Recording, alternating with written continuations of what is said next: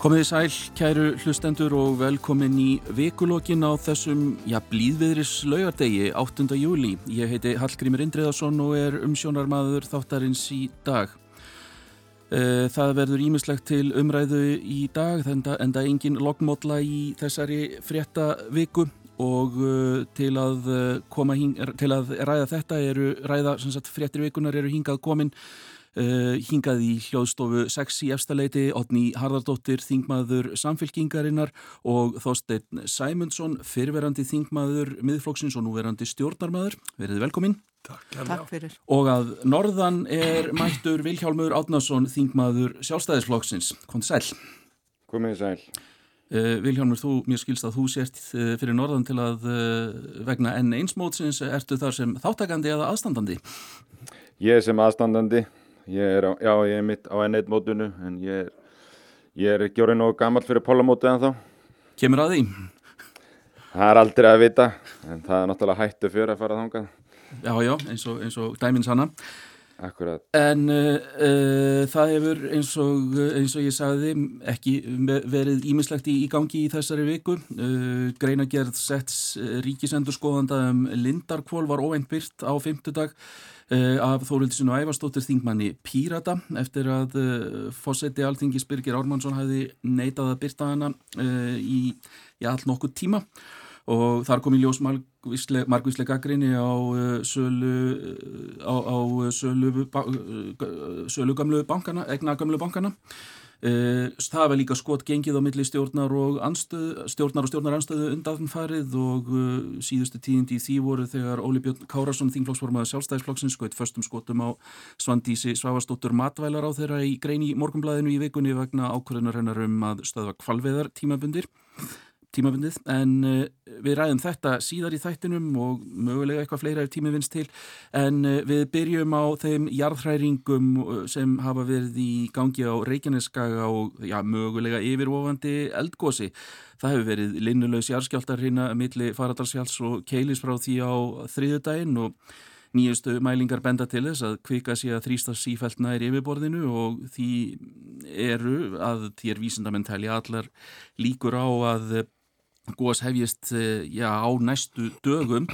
Já, Viljónmur, þú býr nú í Grindavík og, þar, og þar, þið eru, grindigingar eru nú kannski svona, helst, svona næst eh, upptökunum.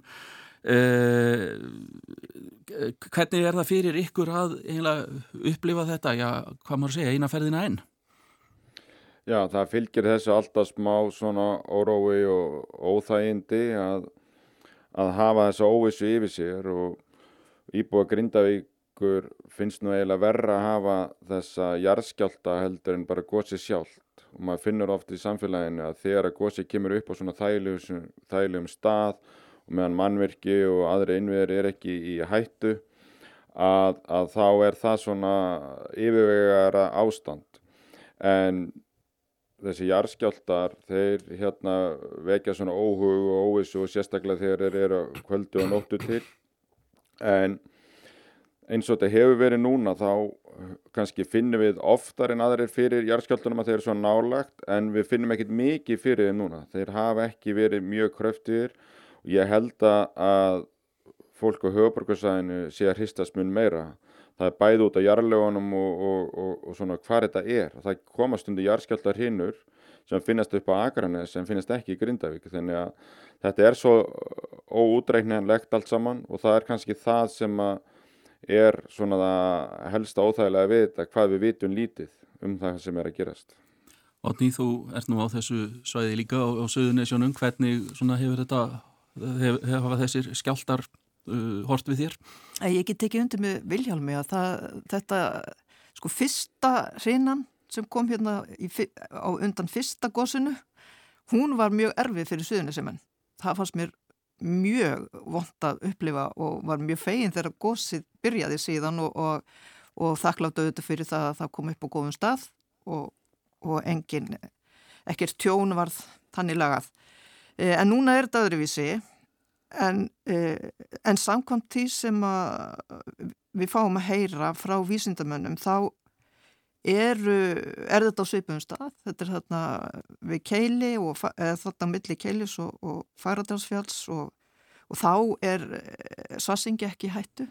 og þeir mikilvægu innviðir sem eru þar, heita veitan og allt það saman. En auðvitað í svona lögu þarf að að svona gera ráð fyrir því að, að allt geti gæst og ég tristi því bara að það sé verið að teikna upp sviðismyndir um, um það hvernig hægt er að bjarga mikilvægum innviðum fyrir suðinu sem enn ef að illa fer. En, en það er þannig að því utar á skaganum sem að gósið er því minni eru raunin og eina sprengigósi sem gæti orðið er á Reykjanestóni og sprungurnar á Reykjaneskaganum, það er líka hvergi á sjó nefn út á Reykjanesi. Og það er þess vegna svo mikilvægt að fjölmjölumenn gerir eins og þið gerir hér hjá Rúf að tala um að gósi hafið á Reykjaneskaganum en ekki á Reykjanesi af því að það er miklu hættulegra og erfiðar ef að gósið verður þar. En við, það þarf ekki að búast við manntjóni vegna skjálta og hrauns, það, það er allavega afar ólíklegt en það er eignatjónið sem við þurfum að gæta að og það er mikilvægt að fólkið á svæðinu fari yfir tryggingar á eignum sínum. Við vitum að náttúruhamfara tryggingar eru vemd fyrir meiri háttatjóni en brunatryggingar þurfa að vera í lægi á húsum og bílum og innastóksmunum og núna er tíminn til þess að suðinu sem hann fari og, og sérstaklega fólki í Grindavík fari yfir þessi atriði. Og síðan eru þetta samfélögun á suðinu sem eru fjölmenningasamfélög og þegar að gefa át viðvaranir þá þarf að gefa þær út á mörgum tungumálum, ekki bara íslensku og ennsku, við erum með stórt, með fullt af fólki frá Pólandi, Ukrænu, Venezuela og þannig að þetta þurfti að vera á, á pólsku, spænsku og, og rúsnansku eða ukrainsku e, allavega svona alvarlegustu viðvarunar Það er mitt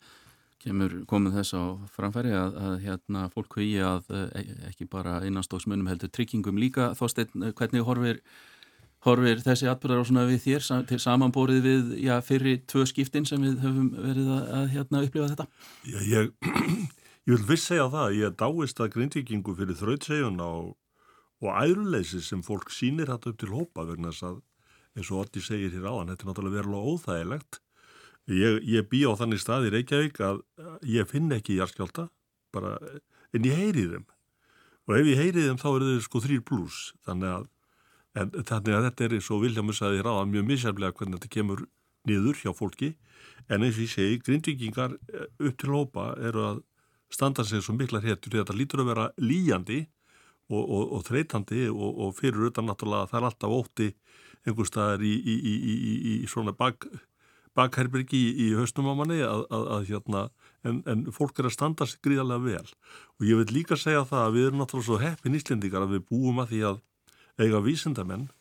sem að virðast geta sagt okkur nánast sko upp á fermetir hvar gósverður þarna, hvenar það verður þannig að menn geta þá sem sagt e,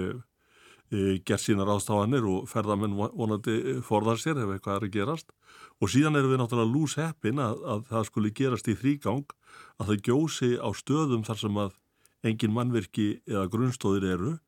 Við getum ekki rætlast til þess að það verði alltaf og, og það er líka annað sem við þurfum að hafa í huga. Ef að þessi þróun er að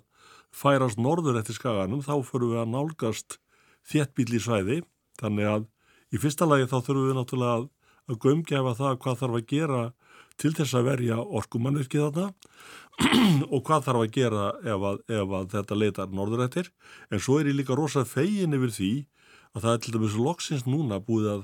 að semjum að flytja suðunisvelinu að finna henni stað og töfalda þar með sko rávorkuöryggi þannig að við þurfum að huga fleiri málum sem þessu tengju þannig að grunnstóðunar suðu frá séu í lægi. Ég tek þennan, uh, þennan punkt aðeins upp uh, við þig, uh, Vilhjálmur. Það eru þessir innviðir sem hafa, hafa áhyggjur af og odni nefndi náttúrulega svartsengi í fyrri umbrótum höfðum en áhyggjur af að hraunmyndi flæða yfir, yfir Suðustrandaveg. Það eru aðalega kannski þessir innviðir sem henn hafa áhyggjur af. Eru, eru þeir nægilega tríðir? Þarf að gera meira til þess að tryggja að þeir haldi í já, svona mögulegum, nátt, mögulegum náttúru já, hamförum? Já, það þarf að vera stöðugt í að undirbúa og gera varaplan í þessu og það er kannski það sem við hefum gaggrínt mest í Grindavík að okkur finnst vinnan og milli elgóðsana detta svolítið nýður og við þekkjum alveg þess að sögu að það er bara komið viðst tímabil og það getur verið hér næstu tíu árana og, og þannig að ef að það kemur elgós undir svartsengi eða það stór járskjálti eða eitthvað að virkinin svartsengi fyrir út og þá er algjörlega vastlaust bæða heit og köldu vatni á öllum suðunisjónum 30 manna byggð og á keflækuflöðli. Þannig að við þurfum að, að tryggja þetta og ef að það gerist þá þurfum við gríðarlega orku til þess að laga þá innvið og bregðast við. HS Orka, HS Veitur hafa verið á fullu í að gera að undirbúa aðra leiðir og, og skoða. Þannig að þetta hefur allt verið vinslu það sem ég er kannski að segja þetta hefur mátt uh, halda meiri dampi. Þetta kannski hægist full mikið á þessu þegar að, að hreinunum og gósunum líkur en varandi suðunisalínu 2 er tekið undir með þóstinu það er mjög jákvægt að við getum ferið að, að hefjast handa við að leggja nýju línuna sem skiptir miklu máli. Og þá vil ég benda á það að kröplulína, hún stóðst svona svipaða jarðelda eins og eru á Reykjanesi núna fyrir norðan. Þannig að það er alveg miklu líkur ef við náum að halda þeim innvið minni. En það sem þarf að gera svo ef að raun fyrir að flæði yfir Reykjanesbröytina að þá þurfum við að laga krísuvíkuleiðina miklu betur og, og hérna sem að vara leið. Þannig að við þurfum eiginlega líka að huga til framtíðar að setja orku eða þess að flutningskerfur á orku hínum einn á skagan þannig að eftir í hvert hraunir flæðir að þá komist við bæði agandi og með rama sikkur um eigin og skaganum og það er það sem við þurfum að byggja mjög hratt og öruglu upp núna. En Odni var líka að tala um sem er stort atrið í þessu upplýsingagjöf til fólksins og samfélagsins. Og því er kannski ánægilegt af því og eitt af þessu við náðum að halda á lofti núna á milli þessara hreina að það var að búa til svona samfélagssettur í kvikunni í Grindavík þar sem að verður sett upp á myndrænan hátt síning sem er hægt að fá bæði nýbúan okkar, unga fólkið og annað slikt og upplifa hvað vitum við, hvað er í gangi og hægt að miðla upplýsingum á myndrænan hátt og, og þannig miðla upplýsingum til samfélagsins sem er stór partur í svona almannavarna viðbröðum að, að, að, að hérna, svara spurningum samfélagsins og veita vissa áfalla hjálp eða, eða upplýsingaukjöf. Þannig að það er bara á fullu núna með Grindaugubæ og, og Reykjanes Geopark að byggja það upp og með stöningi frá ríkistjórninni. Uh, hvað segir þú Odni, er verið að gera nót til þess að, tryggja uh, eh, innviðir sér í lagi uh, í, í, í, svona, eftir, eftir, í og eftir, eftir svona umbrott? Ég veit það ekki og, og sjálfsagt uh, ég get tekið undir áhyggjur grindvikinga sko, hvað þetta varðar af því að það er ekki veist, bara svona atriði ef það þarf að uh, móka upp einhvern varnagarða til að verja mannvirki og einviði, þú veist, hvað er við að fá gröfunar, er búið að kortleika þar það og, og hvað getur þær komið á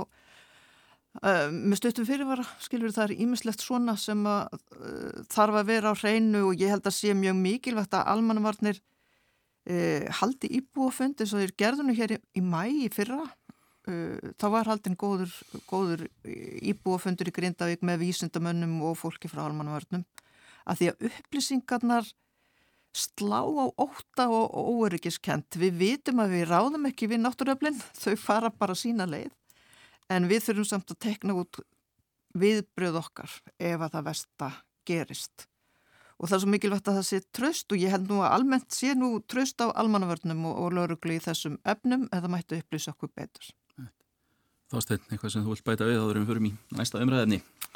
Nei, bara það, það var reyndar einn ein hópur manna ég, og hvenna sem ég glemdi á þann að að, rósa og, og, og, og tala um hvað við erum heppin að eiga. Það eru björgunarsveitirna sem hafa náttúrulega komið þarna með mjög, mjög hérna, ákveðnum, ákveðnum hætti og hérna, það er náttúrulega ótrúlegt og það er,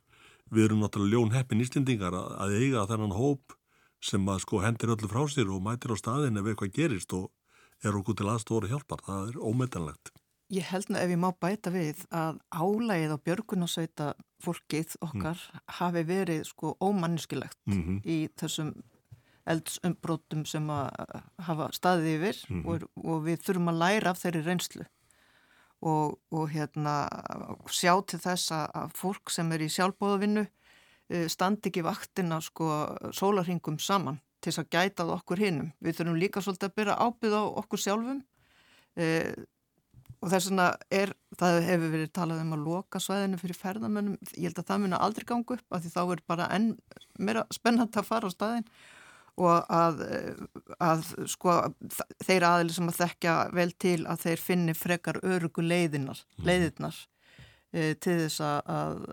horfa á gósið ef, ef það fer að gjósa, við veitum náttúrulega ekki hvort það gerist en þá er það sér líklegt. Akkurat. En það er þetta sem gengir svo vel hann í Grindavík að það er svo margi sem koma að þessu en samstakamátturinn hefur svo mikill. Björgunarsveitina það hafa náttúrulega stýrt ferðinni en þetta er lögreglan og, og slökkulið og sjúkaraliðið sem að koma að en ekki síst líka bara starfsmenn sveitafélagana og sérstaklega Grindavíkubæjar og svo landegundur. Þetta þarf alltaf að vinna saman til að taka þessa ákvarðanir og, og Þannig að þetta bara komið nýtt skipulagsverkefni og fara eftir öllu að bregðast við einmitt umferð fólksins að inn. Hvernig ætlar að tryggja öryggi fólksins án þess að loka. Og þannig þarf starfsmenn sveitafélagsins landegundur aðrir að koma að undir stjórn björgunarsveitarinnar og, og lauruglunar. Þannig að þetta er búið að ganga ótrúlega vel og allir hérna unni vel saman í því og, og þess vegna hefur þetta nú gengið svona vel. Þannig að við erum komið vantlið en auðvitað megum við ekki ofgjera fólki eins og björgunarsveiti í sjálfböðastarfi, alls ekki. Endum þetta á þessum uh, jákvæðu nótum umræðunum um elsumbrotin en ef að eitthvað gerist á meðan á þættinum stendur þá flytjum við að, að sjálfsögðu fréttir af því. En uh, þá ætlum við að snú okkur næst að uh, málefnum Lindarkvóls og svo ég reyfi það mál aðeins upp þá var þetta félag stopnað í april 2016 til að Sjáum sölu á eignum bankana sem runni til ríkisins sem stöðuleika framlög, eignir sem voru mörg hundru miljardar eh, virði. Starfsemi félagsins lög í februar 2018. Þá er félaginu slitið. Ríkisendurskoðun er falið samkvæmt lögum að gera úttækt á starfseminni en það sem Sveitn Ararsson þáverandi ríkisendurskoðuðandi var bróðir stjórnaformans Lindarkóls og því vanhæfur var Sigurið Þórðarsinni fyrverandi ríkisendurskoðund að falið að vinna úttæktina. Hann sendi greina að gera sama ár En um sveipaleiti er skiptum ríkisendurskoðanda gerst Þorðarsson tekur við, tekur þá líka við útæktinni þar sem ríkisendurskoðandi er ekki vanhæfur lengur. Byrtir skýslu árið 2020 fyrir hann ríkisendurskoðanar þar sem kemur fram að ekkert sé aðtöðavert við sölu Lindarkváls. Sigur eru ósamála þessu og greinagerðin sem hann sendi 2018 uh, var ekki byrt þrátt fyrir töluverðan þrýsting fyrir en núna á fymtudaginn þegar Þórildur sinna æfastóttir þingmaður Pírata færað hennar svo greinagerina í postólisitt í þinginu og byrtir hana á heimasíðu Pírata og uh, gaggrínin hjá Sigurði er margvísleg eignir seldar á undirverði svör ekki boristi fyrir spurnum ráð þeirra ekki tilgjönd upplýsingar í svörum til þingsins og, og hann lýsir þeirri skoðun að ríkisaksóknari eigi að taka málið upp. Ég ætla að byrja á þér Þorsteit þar sem uh, þú uh, og þið í miðfloknum uh, hafið, svo sem eins og fleiri, barist tölvert fyrir því að þessi greinargerð verði byrt. Nú þegar búið er að byrtan á innihaldið er orðið ljóst, hvernig horfir þetta við þér? Sko í fyrsta lagi ætlum ég að segja það að e, það er fullkomlega fimm ára virði, þar að segja að þessari baróttu sem búið að standi fimm ár, fullkomlega hennar virði þegar maður fær þessa skýslu loksins. Hún staðfestir allar mínar verstu grunnsendir, ég get alveg sagt það. Og það er ekki þar að sko, málega það að ég er búin að kynna mér þetta mál eins vel held ég eins og ég hef getað og þar á meðal til dæmis þá fór ég nýri hérastóm Eh, af því það er dómsmál í gangi út af einni tiltekinni sölu þarna sem er núna á leiði landsrétt. E, og það voru vittnalegstur í hérastómi núna í, í, í, í vetur e, út af því og ég satt þar í tvo daga og það var alveg hryllilegt að, að vera þar vegna þess að, að það kom í ljós að fyrsta lagi voru allir stjórnarmenn minnislausir, þau myndi ekki eftir neinu sem hefði gerst þarna. Og þetta ágæta fólk það var að, það var að taka þátt í því að, að selja sér stærstu einstöku sölu sögunar á ríkisegnum, almannaegnum og ég held sveimir þá ef maður hefði tekið þátt í þessu sjálfur þá hefði maður hugsanlega sko munan okkur nefn hvernig þetta gekk fyrir sig, sjáu því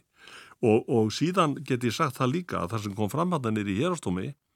miða við sko þessa hálfu blaðsíðu í skýslu skúla Eggerts, Ríkisendur skoðanda 2020 mótilið þar sem er tekið til til með salan og klakka, það er svart og hvitt algjörlega. Og, og þessi greinagerð Sigurðar sem fer ennþá dýbra bæði það mál e, talar um það að, að, að það kemur fram hjá hann og það voru greittar hann 150 miljónir í annarskiptið, 260 miljónir í hittskiptið og það er ekki gert grein fyrir þessum peningum til dæmis. Og það er greinilegt að, að sko ef við horfum til Íslandsbanka, ég held sko ég held að fjármálar á þeirra okkar sé óhefnastir á þeirra í heimi sko hann, hann, hann fær allar þessar eignir þarna í fangið hann tekur stærstu einstöku eignin í burtu sem er Íslandsbanki og afhendir hann að bankasýslunni með þekktum hérna afleðingum síðan fer, fara hína reiklindarinn í þetta batteri og það er það nákvæmlega sem gerist á báðum stöðum. Það voru settar fína reglur, starfsreglur um lindarkól, síðareglur með að segja. Allt þver brotið, allt. Og það er ekki hægt að henda reyður á nokkru þannig. Síðan er það annað að það virðist svo að það er ráðinhattinn maður sem er sem að á að vera e, við yfirherslur í, í hérastómi sagði hann, ég veit ekki um þetta mál, ég var lögfræðilegu ráðinötur Þú veist að tala um Steinar Guðgjersson. Ég er að tala um hann. Já. Sem er framkvæmtastjóri svona de facto í þessu, þessu, þessu batteríi og, og hérna sem sagt sko hann, hann stýrir þessu apparati algjörlega og stjórnarmennindi viðrast bara að sitja á hliðalínunni og ég veit ekki gera hvað en það munaður ekkert hvað gerðist. Þannig að sko ég, ég vona það núna þegar þessi greinagerði komið fram það reynir núna mjög á stjórnskipunum eftirlistend alþingis eins og segi ég er guðslefandi fegin að það tókst að halda skýslunni 2020 inn í nefndinni, hún er það eða þá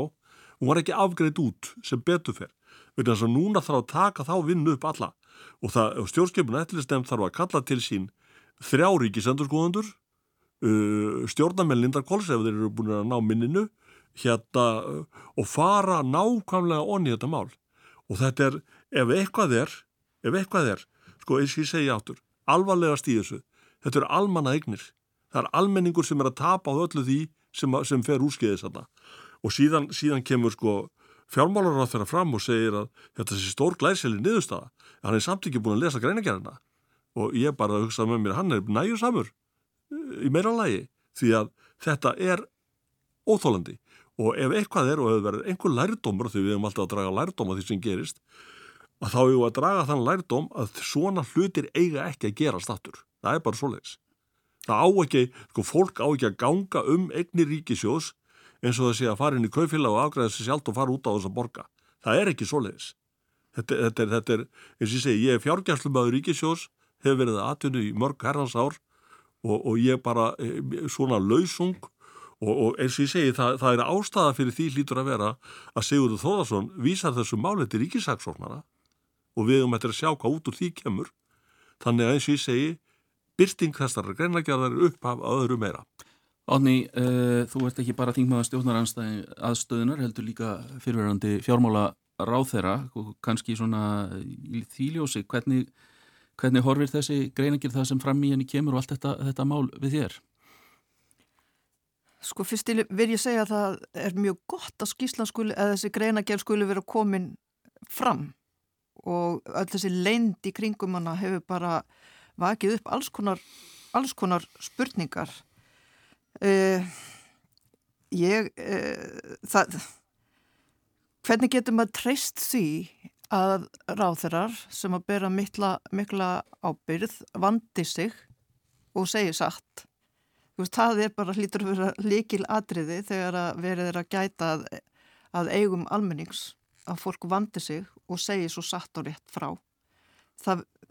það virðist ekki vera svo e, samkvæmt þessari skýrslu sem að nú er komið fram sem að Sigurður Þór, Þórðarsson vann það sem að mér fyrst að þurfa að gerast núna er að fjálmála ráþarann og núverandi ríkisendurskoðandi þurfa e, að færa raug ef að þeir telja að þetta sé rámt sem að Sigurður Þórðarsson e, kemst að þá þurfa þeir að færa rauk fyrir því og leggja fram gögn. Og það hlýtur að vera að krafa almennings að nákvæmlega það gerist því að þarna er heiminn að hafa milli og bara, bara reynd útsagt ótrúlegt og þegar að maður horfið til þess að að menn hafa ekki viljað byrta þessa skýslu í fimm ár þá er ekkit óeðlegt að fólk velti fyrir sér hvort það væri út af því að, að það sem að í henni stendur kemur illa við fjármálaráðfrann. Það er nákvæmlega sko það sem að manni dettur í hug. En allavega er hún komin fram og það verður að svara því skýrt uh, hvort hún sé rétt eða ekki og það þarf að leggja fram gögn. Vilhelmur, það er uh, svona mikil gaggríni bæði hér og, og svo sem víðar á uh, flokksbróðurðin fjármálar á þeirra. Hvernig uh, horfir, horfir, horfir þetta við þér og nú er ég að tala um efnisinnihaldi, við komum kannski aðeins inn á það betur á eftir uh, hvernig þessi greinargerðir byrt en, en, en inni, innihaldið, hvernig, hvernig horfir það við þér? Já, ég hérna, það horfður bara við mig, ég sé ekki að hafa komin eitt nýtt fram í þessu brefi þar sem er ekki búið að vera rætt hér bæði því dómsmáli sem Þorstin nefndi og inn í stjórnskipunum eftirlistnefnd alþingis og víðar og munurinn á þessum tveimur skjölum, skýslu hérna, Sigurða Þórðarssonar sem ég ger ekkert lítið úr um að hafi verið hans upplifun og staðan 2018 en eftir að þessi greinagerði skrifuð og gerð er tveggja ára rannsókn að vinna og andmálaréttur sem að núrandi, eða sem að þáverandi ríkisendurskóðandi veitti skúleikir Þóðarsson og það breytist mikið á þessum tveimur árum í, í niður, komið fre, frekar upplýsingar, það voru veitt andmæli bara eins og lögum ríkisendurskóðan gera og annað slíkt Þannig að, að niðurstað þávarandi ríkisendurskóðanda var nú bara hérna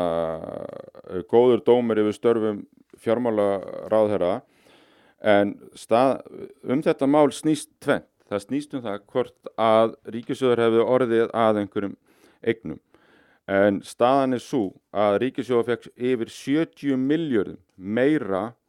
út úr hérna, sölu hérna, stöðleikaframlegana heldur en að eignum sem að koma út á stöðleikaframlögunum fengur yfir 70 miljóri meira heldur en áallega var. Það var nú allt tap ríkisjós og hitt snýstum með mitt byrtingagagninu sem er ríkisendurskoðun. Þannig að þetta snerti með þannig að, að stjórnaranstæðan hefur hér verið að lýsa yfir miklu vantrösti og störf ríkisendurskoðunar með því að segja að ríkisendurskoðun hefur ekki rannsakað það sem stóði greinagerð Sigurðar, en það hefur hún haft það allan tíman undir höndum, hefur ekki rannsakað það og haldið þeim upplýsingum frá þingjun eða ekki upplýst þingið. En byrju, ertu að, ertu bara að segja að þetta, þessi greinagerð Sigurðar sem, sem er frá 2018 og hún sé í raun og veru úrelt? Já sko, hún, ég er að segja það að það velveri, hún er auðvitað hár rétt á þeim tíma sem hún er skrifuð, en það liður tvö ár þangar til að skúla ekkert gefur út sína skýslu sem er unnin með eftir greinagerð sigurðar og þar er búið að veita andmálarétt og fá frekari upplýsingar og svör áður en alþingið er skilað. Og ef það er eitthvað óunnið í frá skýslu sigurðar þannig að ríkjasendurskónu skilar alþingið 2020 þá er það ekki þingsins, þá er það stjórnskipulega eftirlýsnefndar að aðtöða það hvort að ríkjasendurskónu hafi ekki unni alla þessu að vinna. Og það er það sem við hérna, í sjálfsáflunum er alltaf lagt til að stjórnskipuna eftirlistnefnd sem hefur haft aðganga skýslu sigurar allan tíman eða greinager sigurar allan tíman bara berið þetta saman og farið yfir málið. En stjórnarhansdagen hefur bara ekki haft neitt áhuga á því að ræði þetta inn í stjórnskipuna eftirlistnefnd. Þau vilja bara hafa umræðina um leindin á skýslunni og, og vilja hafa hana þar. En við hefum verið ofinn fyrir því að Stjórnskipun eftirlýsnefnd skoður bara greina ekki að sigur allan tíman og sinni hlutverkinu sínu sem stjórnskipun eftirlýsnefnd og beri þess að tvær skýslu saman og fái svör við því hva, hvort eitthvað upp á vandi og af hverju ríkisendur skoðandi þá er endi byrtið það þá ekki sinni loka skýslu sem var bara mjög jákvæð. En nú um þetta mál. Já, en nú virðist miða við það sem haft er eftir Sigurði í sjálfum í fjölmiðlum að hann virðist eh, ekkert ætla eh, alveg standa við það sem hann segir í, áfram í, í þessari, þessari greinagerð frá 2018. Já, ef hann stendur við það áfram og þá þarf þá bara að bera það saman af hverju kemst hann að þeirri niðurstöðu öðruvísi heldur en sá sem tók við að verkinu af hann. Og þú er tilbúin allan til þess að, að, að fara í þá vinnu að, að, að rannsaka það hvernig þessi tvö plögg eru svona, hvernig standur á því að þessi tvö skjöl eru svona ólík og, og hérna og að það eru þá bara leitt í ljós í einhvers konar þá aðtugun þá innan stjórnskipinu og eftirlisnemndar. Það er það sem að fulltrúar sjálfsaflokksins stjórnskipinu og eftirlisnemnd nöðu til í vetur. Það var bara nákvæmlega það að við vildum að þetta er borðið saman en stjórnaranstæðin hefur bara aldrei haft hérna, áhuga á þessum sannleika í þessu máli og, og, hérna, og við hefum lagt allan tíman, við hefum aldrei lagst gegn því að þessi greinagerð er gerð ofinbær, við hefum bara ekki haft heimild þess að byrta það. Einu sem hefur haft heimild til þessi er ríkisendurskóðandi og við hefum vilja bara allt hérna, liggja upp á borðið með þessu máli en það bendir allt til þess að við hefum mjög góð að sögu að segja, ríkisóði fekk 70.000 miljónum meira út úr sölu á stöðleikaegnunum og hverjar eru stöðleikaegnunir? Það er eignirna sem samfélkingin vildi ekki einu sinni kalla til sín, vildi bara taka upp efur og gangi Evropasambandi. En þegar ríkistjórn Sigmundar Davís og Bjarnar Benediktssonar tók við, sóttum þessi stöðlökaframlög, seldið með góðum árangri, uh, lindakvöld, við skulum líka munna það að það var alþingi sem að breyti tillögu núverandi fjármálar á þeirra um að færa þessa eignir inn í Sælabankan í að búa til lindakvöld og setja hérna sérstakka félag um þetta sem að ríkisendunskoðun skildi hafa eftirlit með og fekk 40 miljónir til þess að hafa eftirlit með Lindakvóli meðan það starfaði. Og hérna og það var alþingi Íslandingar sem að lagði til að Lindakvóli erði stopnað og þetta er í fyrirkomulagið. Þanga inn fóru eignirnar og þær seldust fyrir hérna og það var að gera samningur þar sem átti að reyna að selja eignirnar hratt og á sem mestu verði Það var niðurstað ríkisendurskóðanda skólakir Sórenssonar sem skilaði skýslu 2020 til Alþingis. Herði samningurinn hérna, Lindakóls við fjármálaráðara stóðst af megin markmiðum, fekk auki verðmæti og það gekk hratt og vel og að farið eftir öllu sem stóði í samningnum. Það var niðurstað skýslunar. Þásteinn, þú hefur, e, þetta, þetta sé ekki í sjónvarpi, þú hefur hrist höfuði í gríð og erga yfir, yfir eh, því sem Vilhjálmur segir hvað, hvað sko. væntan, væntanlega það þú,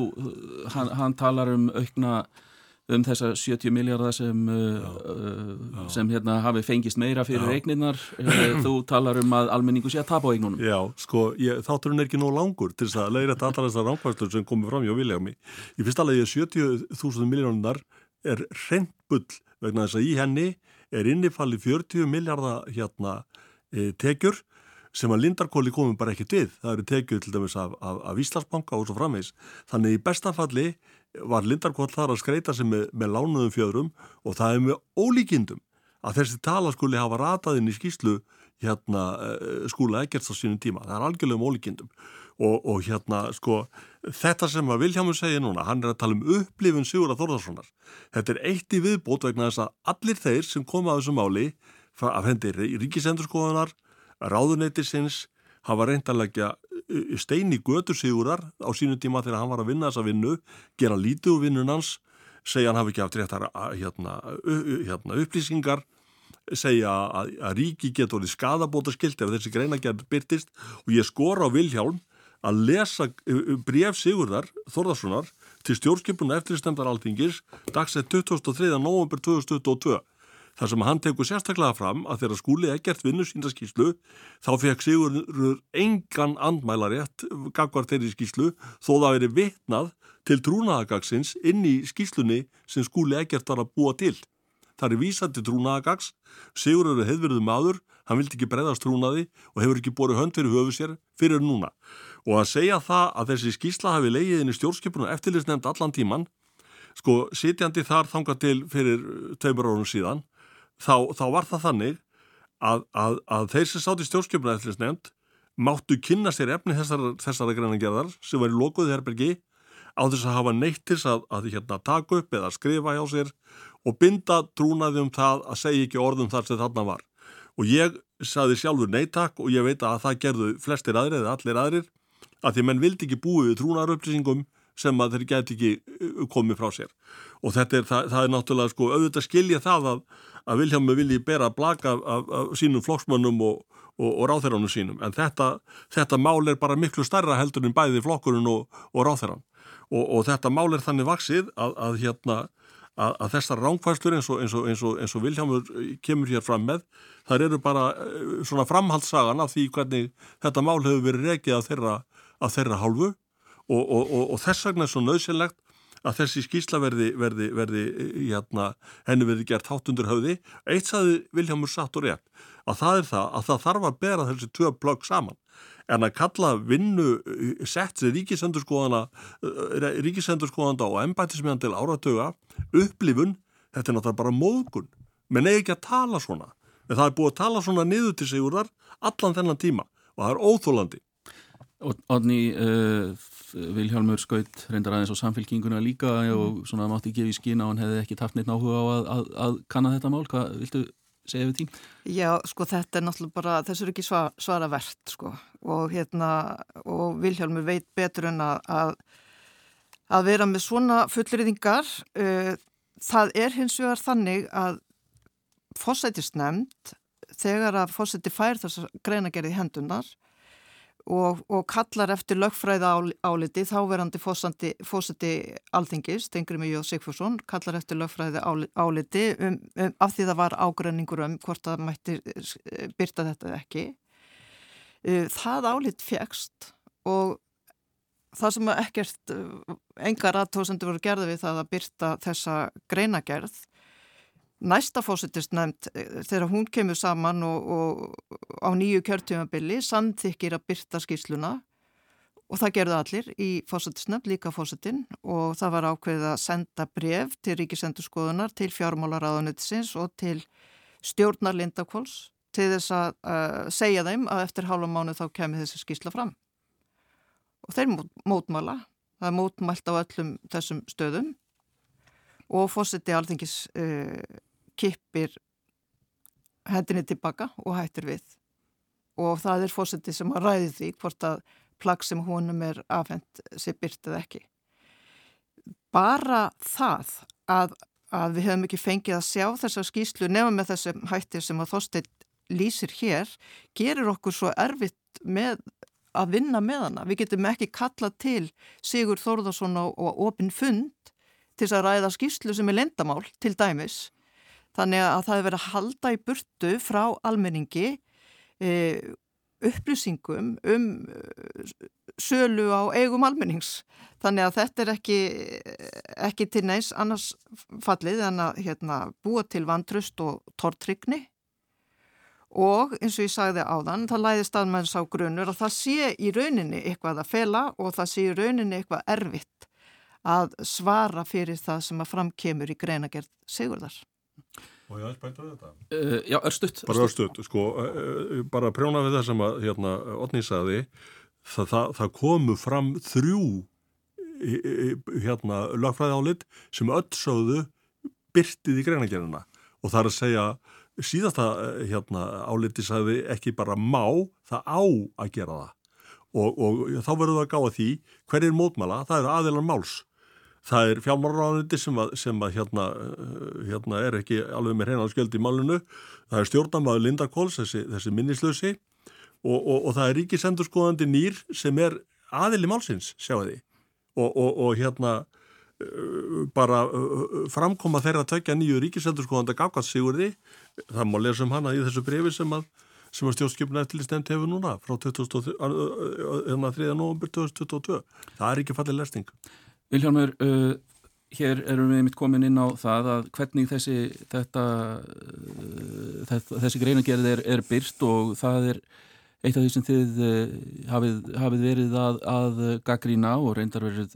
sökuðum það að, að reyna að draga aðteklina frá því sem raumurulega þar stendur. En með að við mitt þetta sem, sem þarna kemur fram var ekki bara beilinni skilda til þess að, að byrta þetta í ljósi þess að það var búið að samþykja þetta í, í eh, fósættisnefnd á síðan tíma? Ég vil byrja að segja svaraðans þóstinni varandi Sigur Þórasson. Ég þekki Sigur Þórasson bara einu góðu og treysti honum og hans störfum 100%. Það sem ég sagði og að bæði að ég hérna, dreki Eva að staðan á málinn og rannsókninu var nákvæmlega eins og hans skrifaði þarna og ég bætti við hans upplifin líka. Ég er ekki bara að segja þetta vera hans upplifin, þetta er staðan á málinu og ég var bara að segja að það er búið að vinna skjali helling síðan og hann segir það með þessi í brefinu sínu þegar hann skilar greinagerðinni að hann hafi ekki verið búin að fá allar upplýsingar og að það væri ekki full unnið. Þannig að e, það var það sem ég var að segja og ég treysti Sigurði hérna, og dreg ekki það sem hann segir í Eva. En það sem var andir byrtingun á skjálinu að, að þá hérna, er alltaf vitnaði lögfrálit innan þingsins og, og, og utanum bæ og annað slíkt. En staðreindin er bara svo að úrskurnemdum upplýsingamál sem er sérfræðingur í því hvaða gögn má byrta og ekki og fer hérna og er okkar úrskurnemd í að fara eftir lögunum og ég held að við séum öll saman á um það að það eigi alltaf einu og öll að fara eftir lögum. Að það kemur bara skýrt fram í lögum ríkisendurskoðun að það á þetta skjál og það, og það er ríkisendurskoðandi einn sem ákveður hvort að skjál sé byrta ekki Mér er alveg sama hvort að fjármálaráðanit eða stjórn Lindakól segja hvort það er að byrta skjæla ekki en ef að ríkisendurskoðandi sem er kosin af alþingi íslendinga segir að þetta er mitt skjál, ég ræði hvort það sé byrta ekki og þið megið ekki byrta það, hafið það undir höndum og það er búið að staðfesta það í úrskurðanemndum upplýsingamál að þá á alþingi íslendinga ekki að brjóta þann trúnað og fara gegn vilja sínum trúnamanni sem þeir kjósa í hérna lokaðri kostningu á alþingi til þess að fara og hafa eftirlit með stjórnsýslunni. Eigum við að fara gegn vilja hans? Um það snýst máli fyrir okkur í sjálfstæðarfloknum að ef ríkisendurskóðandi sem að lögum sangkvæmt ræður því eitt hvort að þessi vinnuskjali sitt sé byrt það er sér ákvæði lögum um ríkisendurskóðun um að þetta, þessi skjöl, vinnuskjöl ríkisendurskóðanda séu hérna ekki, fall ekki undir upplýsingagjöf, eða lögum upplýsingagjöf, upplýsingalögin og, og hérna og annars líkt og því hérna förum við bara eftir því. Við hefum aldrei haft á móti því að þetta skjál sé byrt það er bara átt að vera byrt á réttum stað. Og það var ekki okkar að byrta það og það var ekki okkar að fara gegn vilja eh, hérna, úrskurði úrskurðunemdunar og það var ekki okkar að brjóta trúnað við ríkisendurskóðanda þannig að mér finnst öll þessi umræða gera lítið úr störfum og ennbætti ríkisendurskóðanda og það er verið að lýsa vantrösti á hans störf. Það er lega 8. östu að svara þessu áður en við förum síðan í næsta umræðinni. Já, sko Þa, það er grundvallar miskilingur þarna ferðinni hjá Vilhjálmi vegna þess að þessi skýrsla var afhengt fósetta alþingis og laugin um alþingi segja að það getur ekki verið neitt leini plagg sem að alþingi fær í hendunar. Þetta, það þarf samkvæmt lögum að byrtana. En hvað með, hvað með úskur, úskurunemndar um uppsýndamál sem við hjálpum vísar, vísar í? En sko álitin sem við erum með, lögfræði álitin og sérfræðinga álitin segir bara hér er gagn sem er fært alþingi og þá þurfa alþingismenn að fá að sjá það með skosti og, og, og fulltrúar uh, og bara þjóðin. Því að þjóðin á það sem að, alþingi fær afhend þannig að það er ekki ríkisendur skoðandi sem að áplæki vegna að það var búið að færa það alþingi. Mm -hmm. Og aðeins, af því að það er líka sko annar kjörin, hérna alþingiskjörin embatismæður sem hefur komið á þessu máli sem er umbúrsmæður alþingis og hann þurfti fimm atrunar, hann var pennavinnur hérna, fjármáluraröndisins í, daldin tíma og hann þurfti fimm atrunar til að kreista það svar upp úr, úr fjármáluraröndinu að það væri löglegt að byrsta þetta skjál og hann er enn, hann er enn að tala við fjármáluraröndið þessi kjörni hérna embatismæður alþingis. En núna er skjali komið fram og það sem að í því stendur skiptir máli og, og við þurfum að fá svör við því og krafan lítur að vera frá almenningi að það fái svör við því hvort þetta er rétt sem Sigurður Þórðarsson kemst að eða ekki. Og hætt og ég, ég skil að sjálfstæðismenn vilji halda þessu uh, halda umræðinu um ríkisendurskoðanda og, og personur og leikundur þar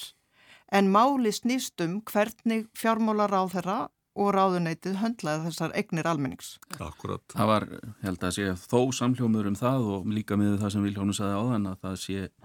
Uh, það sé sem sagt samílu vilji til þess að uh, stjórnskipin og eftirlits nefnd uh, rýni betur í þetta mál en tíminn er að hlaupa frá okkur eins og oft gerist, við hefum getað notað allan þáttin í, í þetta mál greinilega og tæmjum það ekki hér en við ætlum að nota þessa síðustu cirka tíu mínúturnar í að ræða aðeins uh, samkommulagið á, á stjórnarheimilunum, það litla mál. En uh, það hafa komið svona allavega í það minnst á yfirborðinu, verðst vera einhverjir svona Það, það var komið svona mál sem ríkistjónum viljast ekki vera samstíga í, til dæmis málefni inflytjanda og uh, það var, kom sérstaklega kannski í ljós núna í vikunni þegar Óli Björn Kárasson þingflóksfólum að sjálfstæðisflokksinn skrifaði harðorðagrein, ég held að það sé hótt að segja það í morgumblaðið og það sem hann eiginlega fer eins nálegt því og, og hægt er að, að lýsa einlega vantrausti á Svandísi Svavastóttur matvala ráþeira fyrir vegna ákvörðunar hennar um að stöðuva kvalviðar tímabundið og það er rétt að beina þessu að uh, þér Viljálmi, þið náttúrulega sjálfstæðismenn og framsóknumenn voru mjög uh, gaggrínir á þessa ákverðun uh, svandísar og svona í ljósi ímisa annara bresta sem verðast vera að hérna, já, sjást í samstarfinu, er eitthvað farið að, að já, slá í samstarfið? Ég, nei, ég veit nú ekki alveg með það, þetta eru nú átök við einstaka ráðherra þarna og, og, og það er nú ekki nýtt í þessari ríkistjórn að einstaka ráðherrar séu umdildir. Og, en þú eru að samt að hlítur að fallast á það að, það, að Óli Björn er óvenju harðurður og nánast segir að stjórnar, að hinnir stjórnarflokkarnir séu hættir að treysta svandísi, það er kannski svona meira en einhverjar venjulega deilur. Já, já, og veistu, við erum að, ég get nú alveg bara sagt það fyrir mitt leiti að ég hef ekki aldrei haft hérna mikla trú á þryggjaflokka ríkistjórn en þessi hefur nú starfað mjög farsalega í sex ár og, og þannig að, að ég átt bjóst nú við svona átökum mun fyrir sko. Og þegar um áttaflokka á þingi og þrjá ríkistjórn að þá er bara mjög erfitt að taka stórar og erfiðar ákvarðanir og annað slíkt. En ég skil vel Ólabjörn og, og stið hann í því að skjóta svona fast þegar að er farið fram með svona stjórnsýslu að það er hér stjórnarskrávarið atvinnufrelsi í landinu og þarna er málefni sem á að rætt við ríkistjórnarmyndun og annað slíkt að það eru miklir hérna, hagsmunur undir fyrir 200 fjölskyldur í landinu og það eru hérna og þegar er bara kynnt ákvörun og ríkistjórnafundi og svo þegar er komað tveir stjórnaflokkar og krefjast svara, upplýsinga um að bæða að þessi niðurstaði sé endurskoðuð og að við fáum þau gögg sem að þessi niðurstaði byggð á og að því að við höfum líst yfir miklum efasendum hún standist lög og við viljum ekki hérna, styðja þannig stjórnsýslu sem stendst ekki lög að þegar við fáum ekki þessi gögn og við fáum ekki svör um það hvort að sé verið endur skoðat ekki og allar þessar 200 fjölskyldur sem að byggust við hérna, þessum atvinnutekjum nú í sumar fá ekki heldur svör að þá náttúrulega heyrist í okkur skiljanlega og það beinist að matalaráðara.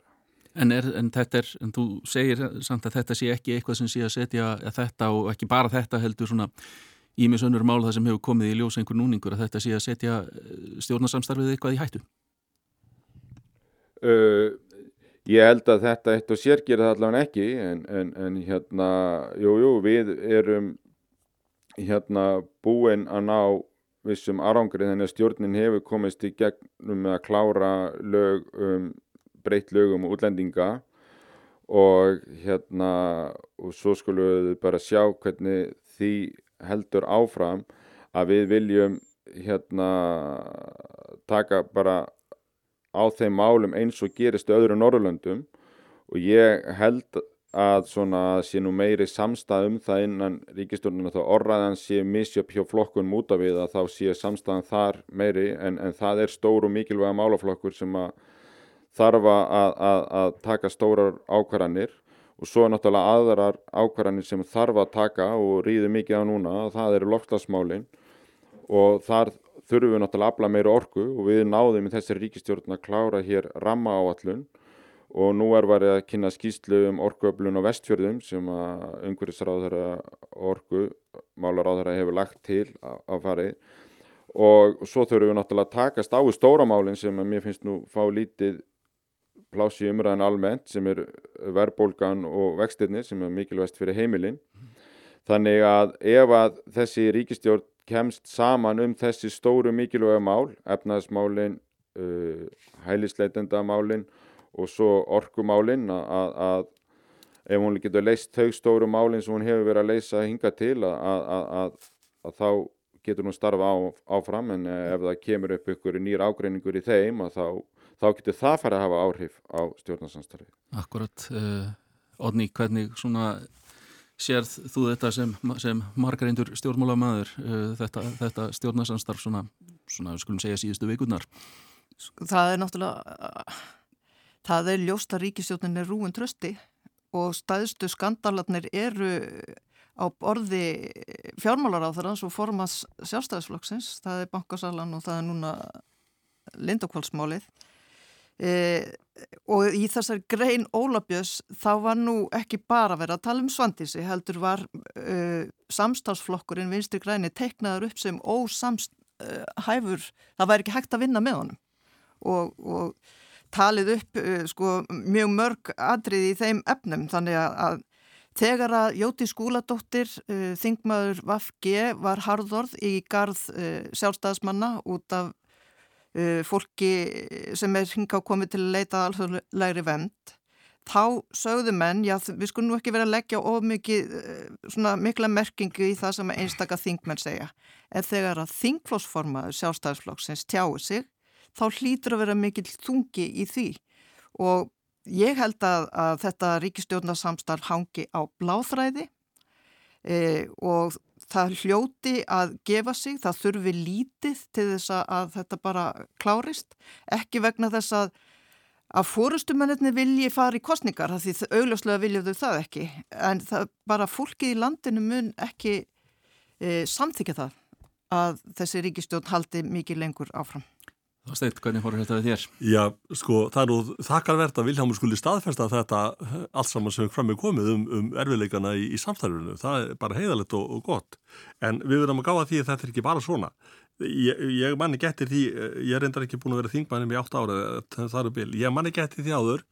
að ríkistjórn hafi bara hérna klárað þingstarað vori og flýtt sér út í sumarið til að flýja frá sjálfu sér sem var akkurat það sem er gerðu því að það voru stórmál sem býða hausins sem var bara skákað upp á hillu á ekki stjórnarnarstaðan sem var böðlast í þeim það var þeirra eigi fólk. Og þeir flýði út í sömarið undan þessu. Og það er þannig að, að sko og þetta býður hausins e, það er að koma hérna kjærasamningar þeirra, þeirra haustar e, mjög erfir og, og hérna fyrir utan þetta sem blasir við e, flottamannamálin kvalamálið e, þessi tvö mál sem eru samspyrt Íslandsbanki og, og, og Lindarkoll þetta, þetta er alls saman mál sem eru í gangi og eiga þetta að þróast á verri veg. Og síðan er það náttúrulega líka annað að þessi ríkistjónu er búin að vera minna, meira og minna verklaus síðan hún var stopnuð og núna er hún eiginlega orðin þannig eins og brettar kallaða að menn er að lemja áfram döðan hest. Og það er náttúrulega bara eitt sem heldur þessari ríkistjóð saman og það er límið í ráþrastólunum sem lítur að vera ansviti stert. En ég, það er líka það eina sem heldur í saman. Ég vil taka undir með Viljálmi að efnagsmálin eru líka stórmál og það, þau hafa sko, Ríkistjónin hefur ekki getað höndla þau almennilega og við bara horfum upp á það til dæmis að skattbyrði eh, ríka fólksins á Íslandi er að minga á vakt þessara ríkistjónar og bílið á milli þeirra sem eru fátakastir í landinu og þeirra ríkustu er að brekka og, og það er ekki brugðist við uh, verðbólgunni og vakstahækkunum eða, eða með nægilega sterkum hætti til þess að reyna að jafna leikin þarna á milli. Húsnæðismálun er í óleistri, það tekur minnstakosti tíu ára að koma þeim í, í, í, í bara til þess að forðast það öngþiti sem er núna og það er alveg næsta víst að, að, að, að því að Otni var að tala hérna um verðbólguna þetta mun haldi upp í verðbólgu vastast í landinu jafn langan tíma vegna þess að það er ekki verið að gera nóg til þess að koma til mótsvið það fólk sem að þarf nöðsynlega og það gefur höfuðið að halda og stendur verst. Leyendur, þeir sem eru kaupið fyrsta sinn, þeir sem mistu húsin sín á sínum tíma og er að fara statur. Þetta er stórmál eitt í viðbót, þessi ríkistjónu ekki leysa þetta. Ok, það eru um það byrjum tvær mínútur eftir af þættinum Vilhjálmur, ég ætla að leifa þér að eiga loka orðið nú eins og, eins og þú saðir þá, þá eru ímis stórmál í haust bæðið þú og, og uh, Þorstein Odni nefndu það, það líka uh, í ljósi þess sem hefur gæst ertu í alvöru bjart á það að ríkistjórnin nái að uh, loka og leysa þau mál sem greinilega þau sem sitja hér á móti mér eru ekki vissum að, að þið náðið að leysa Uh, ég bara veit að við verðum að leysa þetta mál. Þjóðin bara verður að fá hérna, stjórnvöld sem að taka hérna, stórar og erfiðar ákvarðanir og þetta eru allt stór mál sem við hefum farið yfir hér sem að skipta miklu máli. Ég sagði það áðan, það er erfiðara þegar þú ert með átta flokka á alþingi og þrjá í ríkistjórn. Það gerir bara erfiðar að taka erfiðar ákvarðanir. Það er erfiðar að taka hérna umdelt mál ákvarðanurum, við getum ekki gert allt í sátt, stóri hluti gerast ekki með, þegar við tökum allt í sátt þannig að þessi ríkistjórn er bara með þetta stóra verkefni fyrir sér. Hún var mynduð um það að taka stórar ákvarðanir og skapa hér pólitískan stöðleika og nú er bara komið ljós skurt að, að að ég haust að hún ná að taka ákvarðanir í efnaðsmálum, í hérna orkumálum, í málefna hælislinda og örygginu eins og laugjastlunni og, og hérna ef að hún bara ein, einhendur sér í það þá getur hún, já, þá hefur hún sínt það að hún getur staðið af sér en, en, en, en hérna það verður bara komið ljós. Það verður bara að koma í ljósir, Vilhjálmur við skulum láta þetta vera loka orðin í vikulokunum þessa vikuna Eh, ég heiti Hallgrímur Indriðarsson og með mér hér voru eh, Odni Harðardóttir Þingmaður Samfélkingarinnar og Þásteit Sæmundsson stjórnamaður í miðfloknum og fyrirverandi Þingmaður. Að norðan var Milhjálmur Árnason Þingmaður sjálfstæðisflokksins. Tæknimaður í þessari útsendingu var Jón Þór Helgason. Ég þakka viðmælandi mínum kærlega fyrir að gefa sér tíma á þessum fallega sömardegi til þess að eh, ræða helstu málefni vikunar. Uh, við segjum þessu lokið, vikulokkin verða aftur á dagskráað vikuliðinni. Verðið sæl.